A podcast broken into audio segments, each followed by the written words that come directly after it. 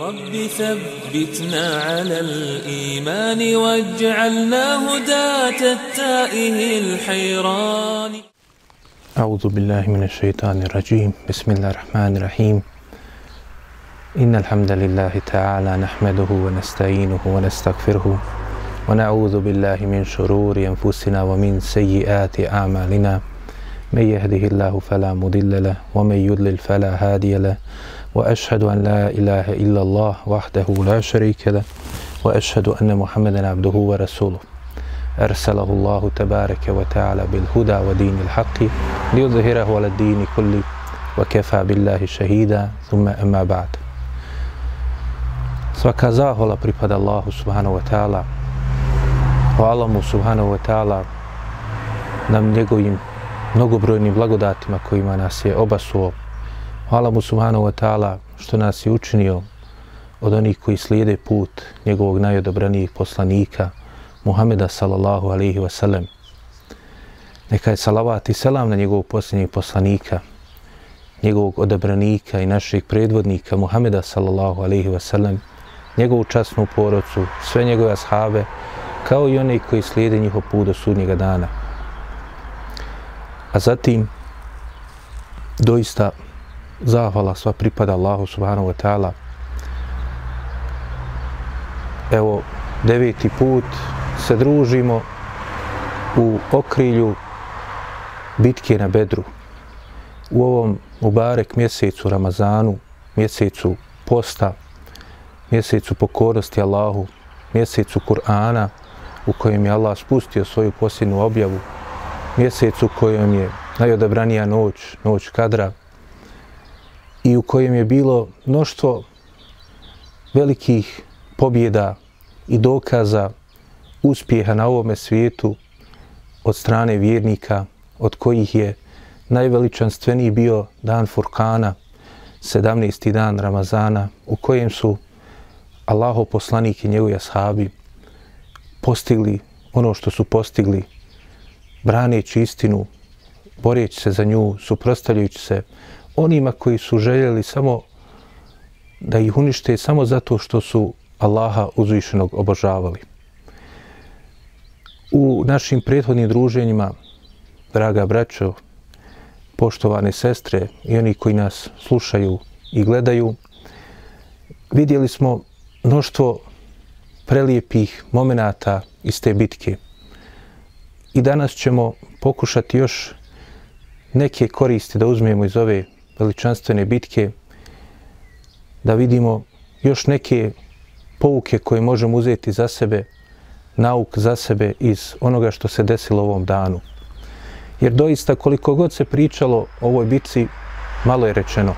Koliko god proveli vremena čitajući, izučavajući ono što se desilo u ovoj bitci, uzimajući pouke iz toga, a i općenito i života Allahov poslanika, pa i života i njegovih ashaba i muslimana kroz istoriju, oni koji su bili primjeri slijedženja pravoga puta, primjeri dostojanstveni muslimana, ponosni muslimana, oni koji su pokorni Allahu, a ashabi su predođeni sa Allahovim poslanikom, najbolji u tome svemu bili, malo je, dakle, malo je vremena koliko god tu u tom proveli pokušavajući da dokućimo te poruke i pouke iz tih događaja.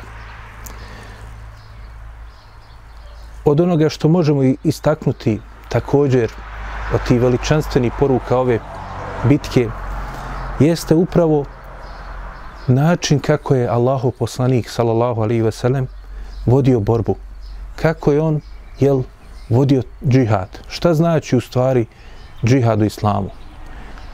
Ne onako kako mi zamišljamo, kako ga predstavljaju neprijatelji islama, kako ga predstavljaju oni koji spletkari protiv Allahove vjere, nego evo živog primjera i života Allahu poslanika sallallahu alaihi ve sellem kako je izgledao njegov, njegova uputa po pitanju borbe, po pitanju suprostavljanja onima koji su se suprostavili njemu. Pa kada pogledamo neke od stvari koji se desili u samoj bitci, vidjet ćemo da je u islamu borba časna stvar, dostojanstvena, da to nije nikako varvarstvo, nikako necivilizacijsko postupanje, nego je to suprotno od toga civilizacijsko postupanje u kojem je poslanik sallallahu alaihi ve sellem pokazao primjere pravednosti, primjere dostojanstvenog odnosa, čak lijepog odnosa prema onima koji su, vidjeli smo prethodno, mnogo zla njemu učinili. Samo zato što vjeruje u Allaha uzvišenog. A dakle, on prema njima postupa dostojanstveno, časno, moralno. I dakle, daleko od bilo kakve nepravde, bilo kakvog varvarstva, dakle, nije cilj bio uništavanje ljudi i njihovih metaka, spaljivanje zemlja ili da se one porobe tek tako osvoje, nego da se dostavi istina, da se odbrani istina. Pa zato vidjet ćemo da Allahov poslanik, sallallahu alihi wasallam, dakle, u dešavanjima ove bitke to u mnogim momentima je pokazao. Prvi moment koji možemo navesti jeste da Allahov poslanik, sallallahu alihi wasallam, dakle, kada dolazi Huzeyfe ibn Jeman sa svojim babom Jemanom, a bili su, jel, kao što smo spomenuli, zaustavljeni na putu, jer su mušici već znali da je izašao Muhammed sallallahu alaihi ve sellem i da su krenuli da se susretnu sa njima, da se suprostave njima, dakle njima mušicima. Pa dakle Huzeife i njegov babo, ne znajući to, sreli su tu jednu skupinu mušrika i kada su i novi rekli da i neće pustit zato što su mislili da idu da se su, pridruže Allahom poslaniku i ostalim ashabima u bitci. Oni onda daju obećanje da neće se su, da pridruže poslaniku sallallahu alejhi ve sellem i ostalim ashabima i da krenu u bitku, nego da žele samo da se vrate u Medinu. I dakle sklapaju dogovor s njima. Nećemo dakle ići u bitku, nego želimo samo da se vratimo u Medinu. Pa nas puste pod tim dakle uvjetom, dakle da se vratimo u Medinu, a da ne idemo u bitku. I tako su i postupili mušici. Pustili su ih. Dakle, imali su ipak, jel, poštovali su dogovor i kod nje riječ imala vrijednost. Iako, jel, videli smo svo to neprijateljstvo koje je postajalo. A kada su došli Huzeyfe ibn Jeman i njegov babo, Allahovom poslaniku, sallallahu alaihi wa obavijestili su ga, jel, o tome šta su, dakle, obećali e, mušicima. Pa je Allahov poslanik, sallallahu alaihi wa kao što je došlo u hadisu kod imama muslima, rekao im je, vratite se, ispunite onaj ugovor koji ste im dali. Dakle, s jedne strane, hiljadu mušrika dolazi, vojska ogromna, muslimani, dakle, samo 300 i nekoliko ih. S druge strane, također, oni puno opremljeni, dakle, svaki čovjek je vrijedan i važan u toj bici, ali poslanik, sallallahu alaihi ve sellem, pokazuje da je to, jel, ta borba, časna stvar u islamu. Dakle, ne ćemo ih varati. Vratite se vi. Iako nisu bili nužno, dakle, obavezni da ispune taj ugovor i tu obavezu koju su sebi, dakle, uzeli e, i prihvatili. Ali, dakle, da se pokaže da poslanik, sallallahu alaihi ve sellem, na najčasniji način vodi borbu. Dakle, iako je to njih oslabilo, jel, rekao im je da se vrate u Medinu i ubrojio je oba dvojicu, kao što smo spominjali, dakle, uvodno u, oko bitke na Bedru, ubrojio je u učesnike bitke na Bedru, ali, dakle, nije dao da krenu s njima da se bore. Dakle, to je samo jedan moment. Sljedeći moment jeste da je poslanik, sallallahu alaihi ve sellem, da kažemo, ovo je bilo prije bitke, na poprištu bitke, kaže ashabima, nemojte ubijati nikoga i nemojte kada dođe, a borba je prsa u prsa, nije dakle mogućnost velika da se izbjegne da se neko ubije. Nemojte ubijati Ebul Bahterija, nemojte ubijati porodcu Benu Hašim, jer oni nisu dakle svoj, svojevoljno došli, jer su oni bili prisiljeni. I također je nabrojio još neke ljude, kao što smo spominjali. Ebul Bahteri na kraju, dakle, desilo se ono što je desilo se. Ali, dakle, poslanik, sallallahu alaihi ve sellem, dakle, iako je teška situacija, dakle, ne zna se ko će uspjeti u toj bitci da pobjedi, pokazuje još jedan, dakle, taj moment časne borbe u ime Islama. I također u tome, jel, teškom momentu ne zaboravlja porodcu Benu Hašim, koja je njegova familija.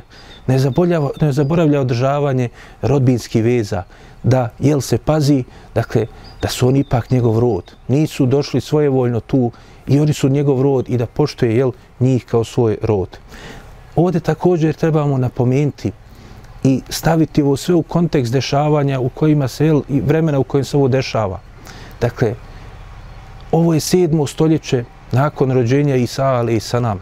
Dakle, vrijeme kada nema nekih civilizacijskih postupanja u borbama, nego to je uništavanje, spaljivanje onih zemalja koji osvoje, dakle, od strane osvajača, dakle, bez obzira koliko bilo neprijateljstvo između njih i oni koji su jel, napali. Moramo uzeti jel, u obzir dakle, kontekst vremena u kojem se ovo dešava. Dakle, u vrijeme kada jel, nema civilizacijskog postupanja, nema nikakvih normi u ratovanju, radi ko šta hoće. Dakle, poslanik, sallallahu alaihi veselem, postavlja primjer kako da se postav, postupa časno. Također, onda, kada smo e, vidjeli i u prethodnim našim druženjima e, mogli da vidimo primjere kako se postupilo prema onima od dakle zarobljenih mušrika kako su ashabi koji su protjerani muhađiri, ensarije koji su trpile zato što su primile muhađire, koji su protjerani morali ostaviti sav svoj metak. Dakle oni svi i muhadžiri i ensarije dakle postupaju po oporuci Allahov poslanika sallallahu alejhi ve sellem na najljepši način sa dakle neprijateljima. Dakle ugošćavaju ih, daju im vrijedniju hranu koju imaju njima da jedu, a sebi ostavljaju onu lošiju. Dakle, što pokazuje jel, da u islamu dakle, nije sporno da čovjek s jedne strane, iako je u neprijateljstvu s nekim, nekoga ne voli, to ne znači da će biti nepravedan prema njemu. To ne znači da neće lijepo postupati sa takvima. Kao što je bio primjera sahaba u svemu ovome. Također i riječi poslanika sallallahu alejhi ve sellem po pitanju ovih zarobljenika kada je rekao da je Mut'im ibn Adi živ kaže ja bi uradio po pitanju dakle ovih zarobljenika ono što bi on htio da uradi zato što poslanik sallallahu alejhi ve sellem opet i u kontekstu borbe a i također da pokaže da mora se uvijek zahvaljivati ljudima na onome dobro koji su uradili. Ne zaboravljati jel dobro koji ti je neko uradio. Pa makar bio i najveći neprijatelj prema tebi. Makar bio i neko poput Mutima ibn Adija koji je preselio kao mušrik. Dakle, nije primio islam. A poslanik, sallallahu alaihi ve sellem, dakle, želi da to istakne na tom mjestu.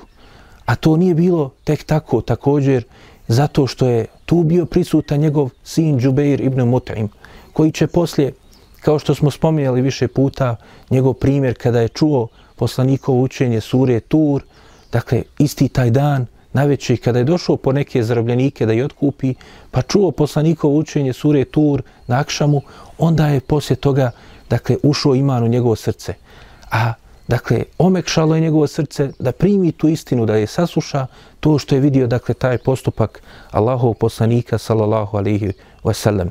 Također i taj moment što je poslanik sallallahu alejhi ve sellem uzeo od ovih mušrika da jedni od njih se otkupe tako što će podučiti po deset muslimana, dakle, opismeniti, dakle, veliki, dakle, poduhvat i sa aspekta, dakle, postupka prema tim mušicima, dakle, pravednog odnosa i vođenje računa da neki od njih nemaju metka da se otkupe, a s druge strane, jel, veliki, dakle, poduhvat, jedno prvo u istoriji sistematsko, dakle, podučavanje ljudi da se opismene i otklanjanje od njih nepismenosti.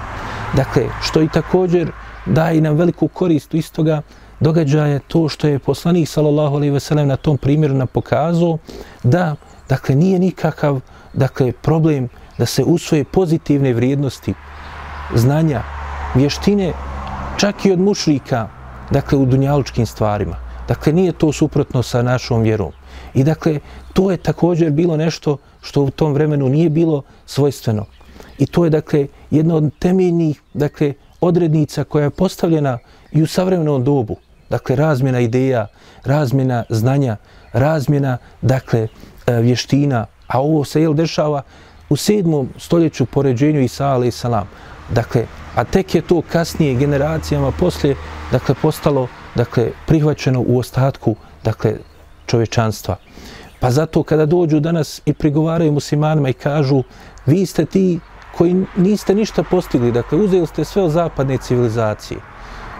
Najlakši odgovor koji se može ponuditi uz to što su mnoge stvari koje su postale današnja zapadna civilizacija u osnovi došli od muslimana, da li muslimana Endelusa, da li muslimana Šama, dakle, koji su, jel, oni u svojim napadima na muslimane ili koristeći gosto, gostoprinstvo muslimana Endolisa uzeli od tih vrijednosti, također treba reći da je najveću vrijednost koju su uzeli u svemu tome bilo upravo ovo, što su od muslimana uzeli tu korist, da je, dakle, nema nikakvog problema, da je dakle potpuno normalno da se usvoje dakle tuđe ideje i tuđa iskustva pozitivna u dunjaličkim stvarima. Kao što je ovdje jel, poslanik sallallahu alaihi ve sellem postupio tako s ovim mušicima. Juče na poprištu bitke došli su, žrtvali ti mušici sve što su mogli u borbi protiv islama, a sada dan poslije poslanik sallallahu alaihi ve sellem se koristi njihovim znanjem dakle da se opismene muslimani. Dakle, poslanik sallallahu alaihi veselem, dakle, također i nakon e, gledanja ovoga što, kako je postupio prema zarobljenicima, možemo uzeti moment postupka prema onima koji su ubijeni od mušrika. Dakle, poslanik sallallahu alejhi ve sellem zabranio je bilo kome da nekome, dakle, čini bilo šta nažao nakon što je ubijen. Dakle, ako je ubijen u bici, dakle, to je to, borba se završila. Nema nikakvog kasapljenja ili tome slično. I ne samo to, nego vidjeli smo poslanik sallallahu alejhi ve sellem, dakle uzo je i rekao ashabima, dakle da ih bace u bunar, dakle e, presušeni bunar, da bace ta tijela, dakle ubace, dakle da ih sklone sa poprišta. One koji nisu mogli, spominje se kao što smo naveli primjer Umeje ibn Halefa i još neki, kako se spominje, nisu prekrili sa kamenjem. Dakle, da kažemo, ukopali su, dostojanstveno postupili i prema tim mušičkim tijelima.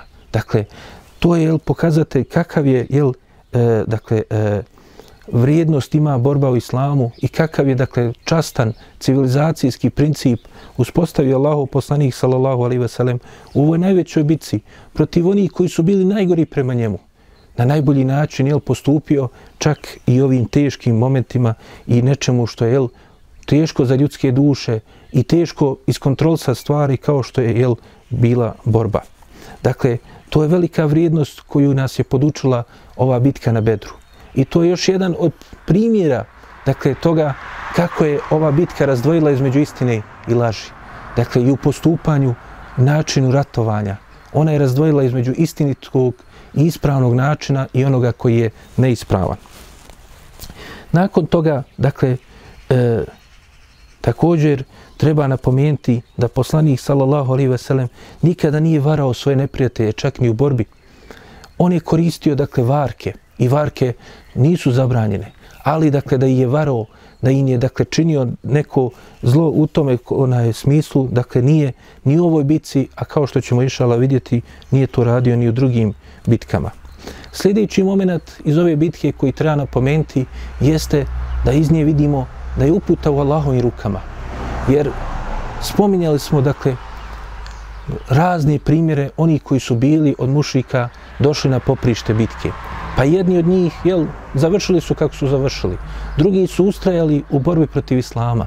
Ali neki od njih, dakle, vidjevši svo to postupanje muslimana, sav taj odnos, neki odmah nakon bitke primaju Islam. Neki od njih borit će se još neko vrijeme protiv Islama, pa će primiti Islam. Neki od njih su bili najžešći protiv Allahov poslanika, ali su opet primili Islam. I dakle, iako je poslanik, sallallahu alaihi sellem, bio u veliko, dakle, neprijateljstvu sa tim osobama, nakon što su primili Islam, prihvatio ih. Poput Ebu Sufjana, el, koji se nije našao na poprištu ove bitke, ali će imati veliku ulogu kao predvodnik mušrika nakon ove bitke, zato što su jel, sve ostale glavešine, dakle, skončale u ovoj bitki i propale od Ebu Džehla pa, pa do drugih, jel, onda vidjet ćemo Ebu Sufjan kako je ustrajavao sve do oslobođenja, jel, Meke, onda će primiti islam. Također smo spominjali Suhejla ibn Amra, koji je također bio jedan od najžešći, bio hatib, dakle, onaj koji je govornik, koji je posticao mušrike na borbu protiv islama, dakle, on također, dakle, vidjet ćemo da je na kraju primio islam i bio veliki, dakle, e, velika ličnost u istoriji islama i velika osoba među ashabima. Ikrime ibn Abi Džehl, dakle, koji je sin Ebu Džehlov, dakle, poslo će biti veliki vojskovođa muslimanski. Također, jel, spomenuli smo da su, dakle, istoričari spomenuli 31 osobu od mušika, dakle, učesnika, za koji se sigurno zna, dakle, da su bili od mušrika kao učesnici, dakle, bitke na Bedru sa strane mušrika, dakle, nisu bili na strani muslimana, koji su poslije, dakle, primili islam. Imam Suhejli spominje da je 17 njih bilo zarobljeno, pa su poslije primili islam. Dakle, otkupili se sa onim velikim otkupninama i tako dalje, pa su primali poslije toga islam. Ovi ostali se spominju 14 da su poslije primali islam. Od njih, jel, najpoznatiji su Halid ibn Velid, Amr ibn Alas i drugi, dakle, ljudi koji su poslije, kao što ćemo vidjeti, imali velikog, dakle, e, veliku ulogu u borbi protiv Allahov poslanika, dugi niz godina, ali na kraju su primili islam. Dakle, uputa je u Allahovim rukama. On upućuje onoga koga on hoće i svoje mudrosti i onaj koji je, kako Allah subhanahu wa ta'ala i svoga potpunog znanja zna, dakle, zaslužuje da bude upućen. Također, Allahu poslanik sallallahu alaihi wa sallam sa sahabima vidimo, dakle, pokazuje nam ispravno vjerovanje, kako da se jel postupa prema dunjaličkim stvarima, prema radu na dunjalku. Dakle, uložio je poslanik sallallahu alaihi ve sellem potpuni trud koji je mogao u toj mogućnosti. Dakle, iako je bio u podređenom položaju, uložio je ono što je mogao od sebe. A Allah uzvišeni onda ga je pomogao nakon što se oslonio na Allaha subhanahu wa ta'ala. I dakle, Allahu poslanik sallallahu alaihi ve sellem, dakle kao što smo spomenuli u jednom momentu bitke, baca dakle kamenčiće, baca prašinu prema mušicima jela i pogađa. Pa dakle, zašto se to dešava? Allah uzvišeni kaže: "Wa ma ramaita iz ramaita, walakin Allah rama." Kaže ti nisi gađao kada si gađao, nego je Allah ih pogodio. Dakle, poslanik je sigurno gađao, on je uradio to djelo. Dakle, to nije dokaz onima koji negiraju kader, da mi dakle, ili pretreruju u pitanju kadera. Pa jedni kažu koji negiraju kader, dakle, uh, moramo negirati kader, jer ako potvrdimo kader, onda ispada da nije, nije nikakve volje, mi ništa ne radimo. A ovi drugi koji pretjeruju kažu, dokazujući s ovim primjerom, pa evo poslanik sallallahu alejhi ve sellem bacio prašinu, pa jel Allah je pogodio s tim. Ne, nego je poslanik ovdje htio je Allah da nam pokaže da je uložio svoj trud, uradio ono što je mogu, a onda ga je Allah uzvišen i pomogao. Dakle, da je neophodno da se uloži trud, pa onda da se osloni na Allaha, pa će Allah dati nekada i nadnaravne pojave, da će jel, ajete, znakove, dakle, pomoći svojim vjernicima, kao što je dao poslaniku, sallallahu alihi wasallam, u ovoj prilici. I dakle, definitivno je bio postupak od njega, a Allah je dao jel, ono što je dao i on je odredio da se desi onako kako se desilo, pa dakle, čovjek je imao volju, poslanik, sallallahu alihi wasallam, je radio od sebe što je mogu uložio je dakle svoj trud, uzo uzroke, a onda se i, i na početku i prije toga i nakon toga oslonio na Allaha subhanahu wa ta'ala pa je Allah uzvičeni ih pomogao. Također vidjet ćemo iz ovoga kada govorimo o toj pitanju kadera kako je Allah uzvišeni daje puno bolje nego ono što vjernici, ljudi općenito žele sebi. Dakle, ovi ashabi, oni su htjeli, dakle, karavanu. Allah je dao da ostvare ovu veliku pobjedu. Htjeli su nešto malo, dakle, da nadoknade od onoga što su i naštetili mušici, Allah ih je dao puno više, iako u prvom momentu im je to bilo mrsko. Kao što se, jel, i u Surija Nanfal, koja opisuje ovu bitku, to i opisuje. Dakle, Allah je uzvišen i onda im dao, dakle, puno više nego što su oni sami sebi htjeli. Zato što Allah uzvišeni onome, ono što želi svojim vjernicima, ono što im je on odredio, puno je bolje od onoga što oni sebi zamišljaju. Iako u vanštini to nekada izgleda kao velika kušnja koju je teško podnijeti. I to nam također se jel, može, možemo vidjeti ne samo u ovom momentu, momentu bitke na bedru, nego kroz čita život Allahov poslanika i njegove shaba i onih iskušenja koji su oni prošli. Dakle, da je na kraju sve to bilo dobro za njih, iako je u vanštini možda se činilo da je to loše za njih asa an takrahu shay'an wa huwa khairu lakum.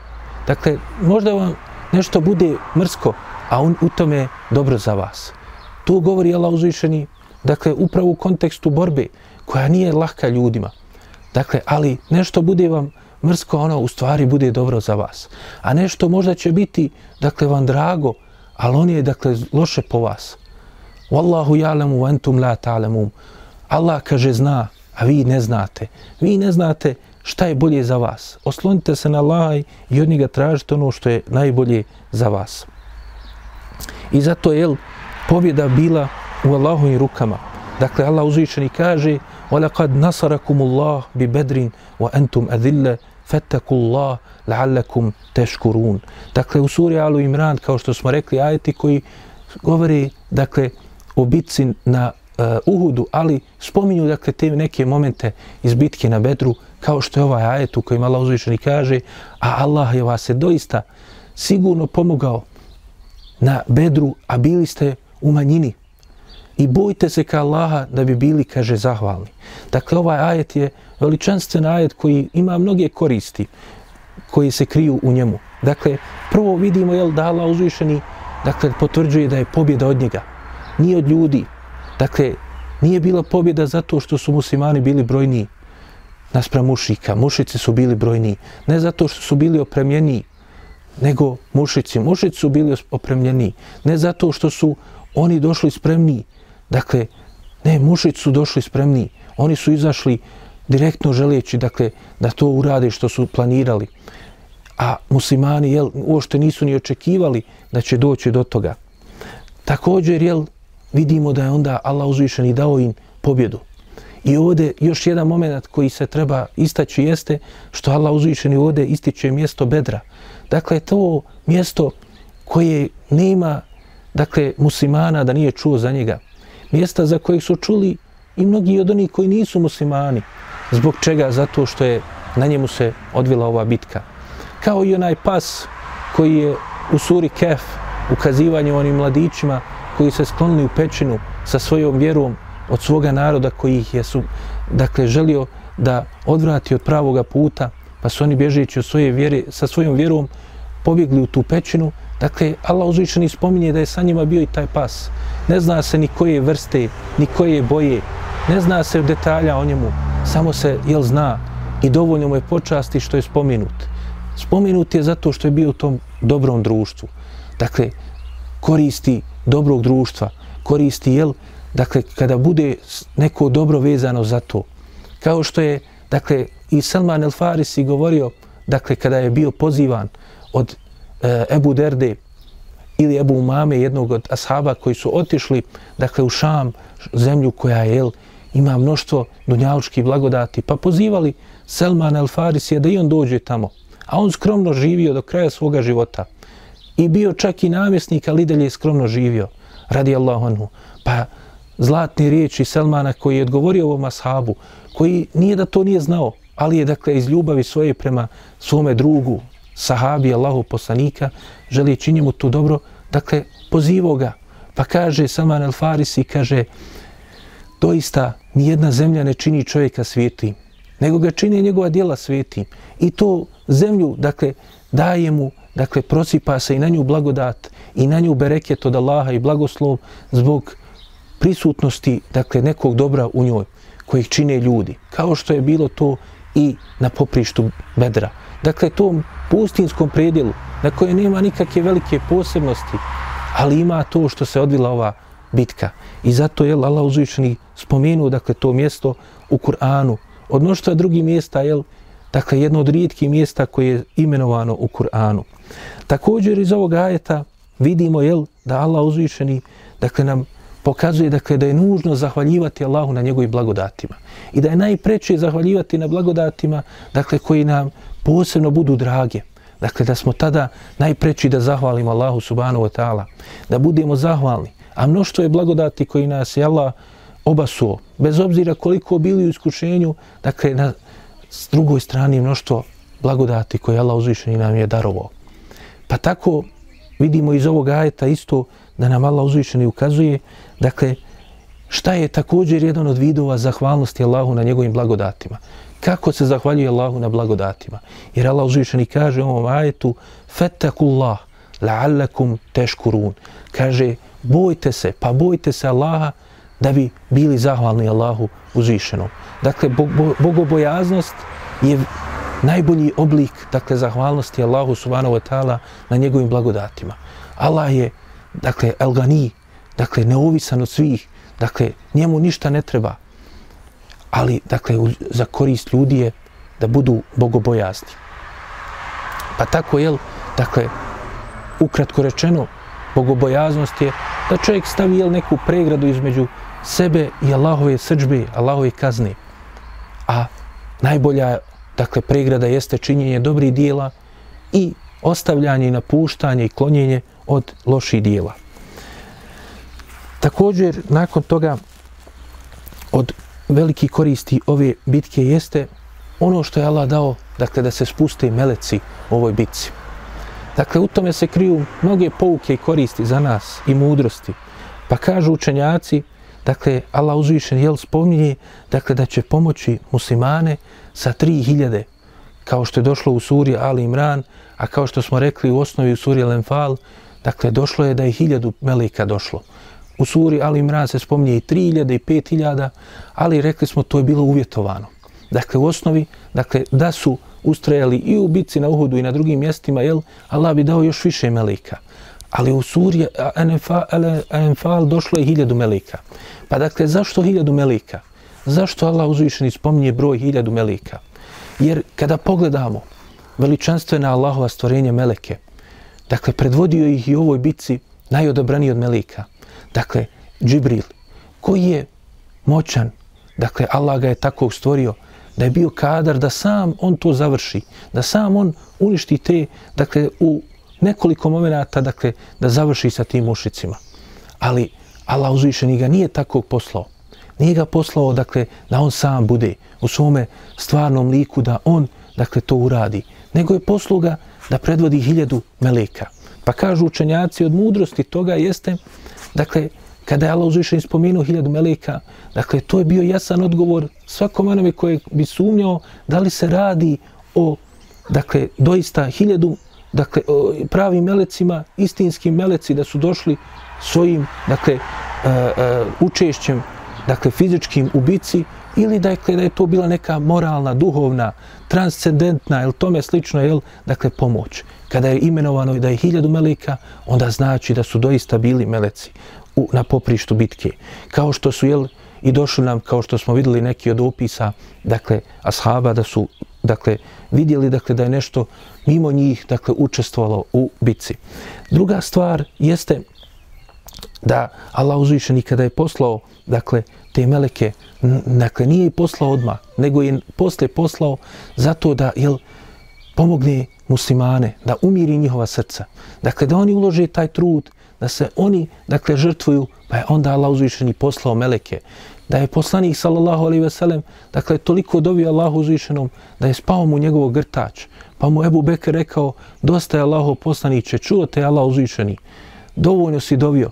Pa je, kaže, ugledao Džibrila kako, jel, predvodi, dakle, na svome konju, predvodi, dakle, e, meleke u bitci na Bedru.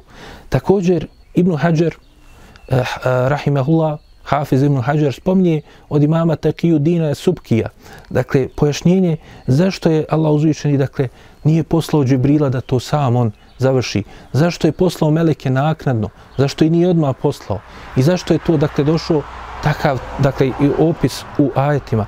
Kaže, zato je da bude dijelo od muslimana, od ashaba, njihovo, dakle, djelovanje. A ovi su došli kao pomoć, kao ispomoć. Dakle, u osnovi opet pobjedu su ostvarili Allahov poslanik i njegovi ashabi. Dakle, ali da pokaže Allah uzvišen jel na njihovom primjeru, da nam dadne pouku, dakle da će Allah uzvišen i pomoći. Nije važno kolike su skupine protiv njih, ako su oni iskra, iskreni, ispravni, potpuno ispravno postupaju, da će i Allah uzvišeni sigurno pomoći. Također iz tih ajeta koji u, Ali, u suri Ali Imran govori o tome, dakle da će Allah uzvišeni poslati meleke i pomoći dakle muslimane sa njima dakle vidjet ćemo da tu dakle e, se spominju uvjeti koje Allah uzvišeni uvjetovo da bi poslao tih ili 3000 pa posle i 5000 dakle meleka. Dakle tri stvari Allah uzvišeni tuk uvjetovo. Prvo da budu muslimani, mu'mini. Dakle, iman je uvjetovo. Druga stvar koju je uvjetovo jeste sabur, strpljenje. Dakle, da se ne požuruju rezultati, da se ne, ne rade isitreni potezi, dakle, da se ne prelaze granice koje Allah uzvišen je odredio. I treća stvar je takvaluk, bogobojaznost. Dakle, postupanje onako kako je Allah uzvišeni zahtjeva od nas, onako kako nam je poslanik sallallahu alaihi ve sellem objasnio. I zato na početku ajeta se kaže da Allah uzvišeni e, spomni i kaže id takulu lil mu'minin elen yekfijekum ej yumiddekum rabbukum bi thalathati alafi min al malaikati munazzilin.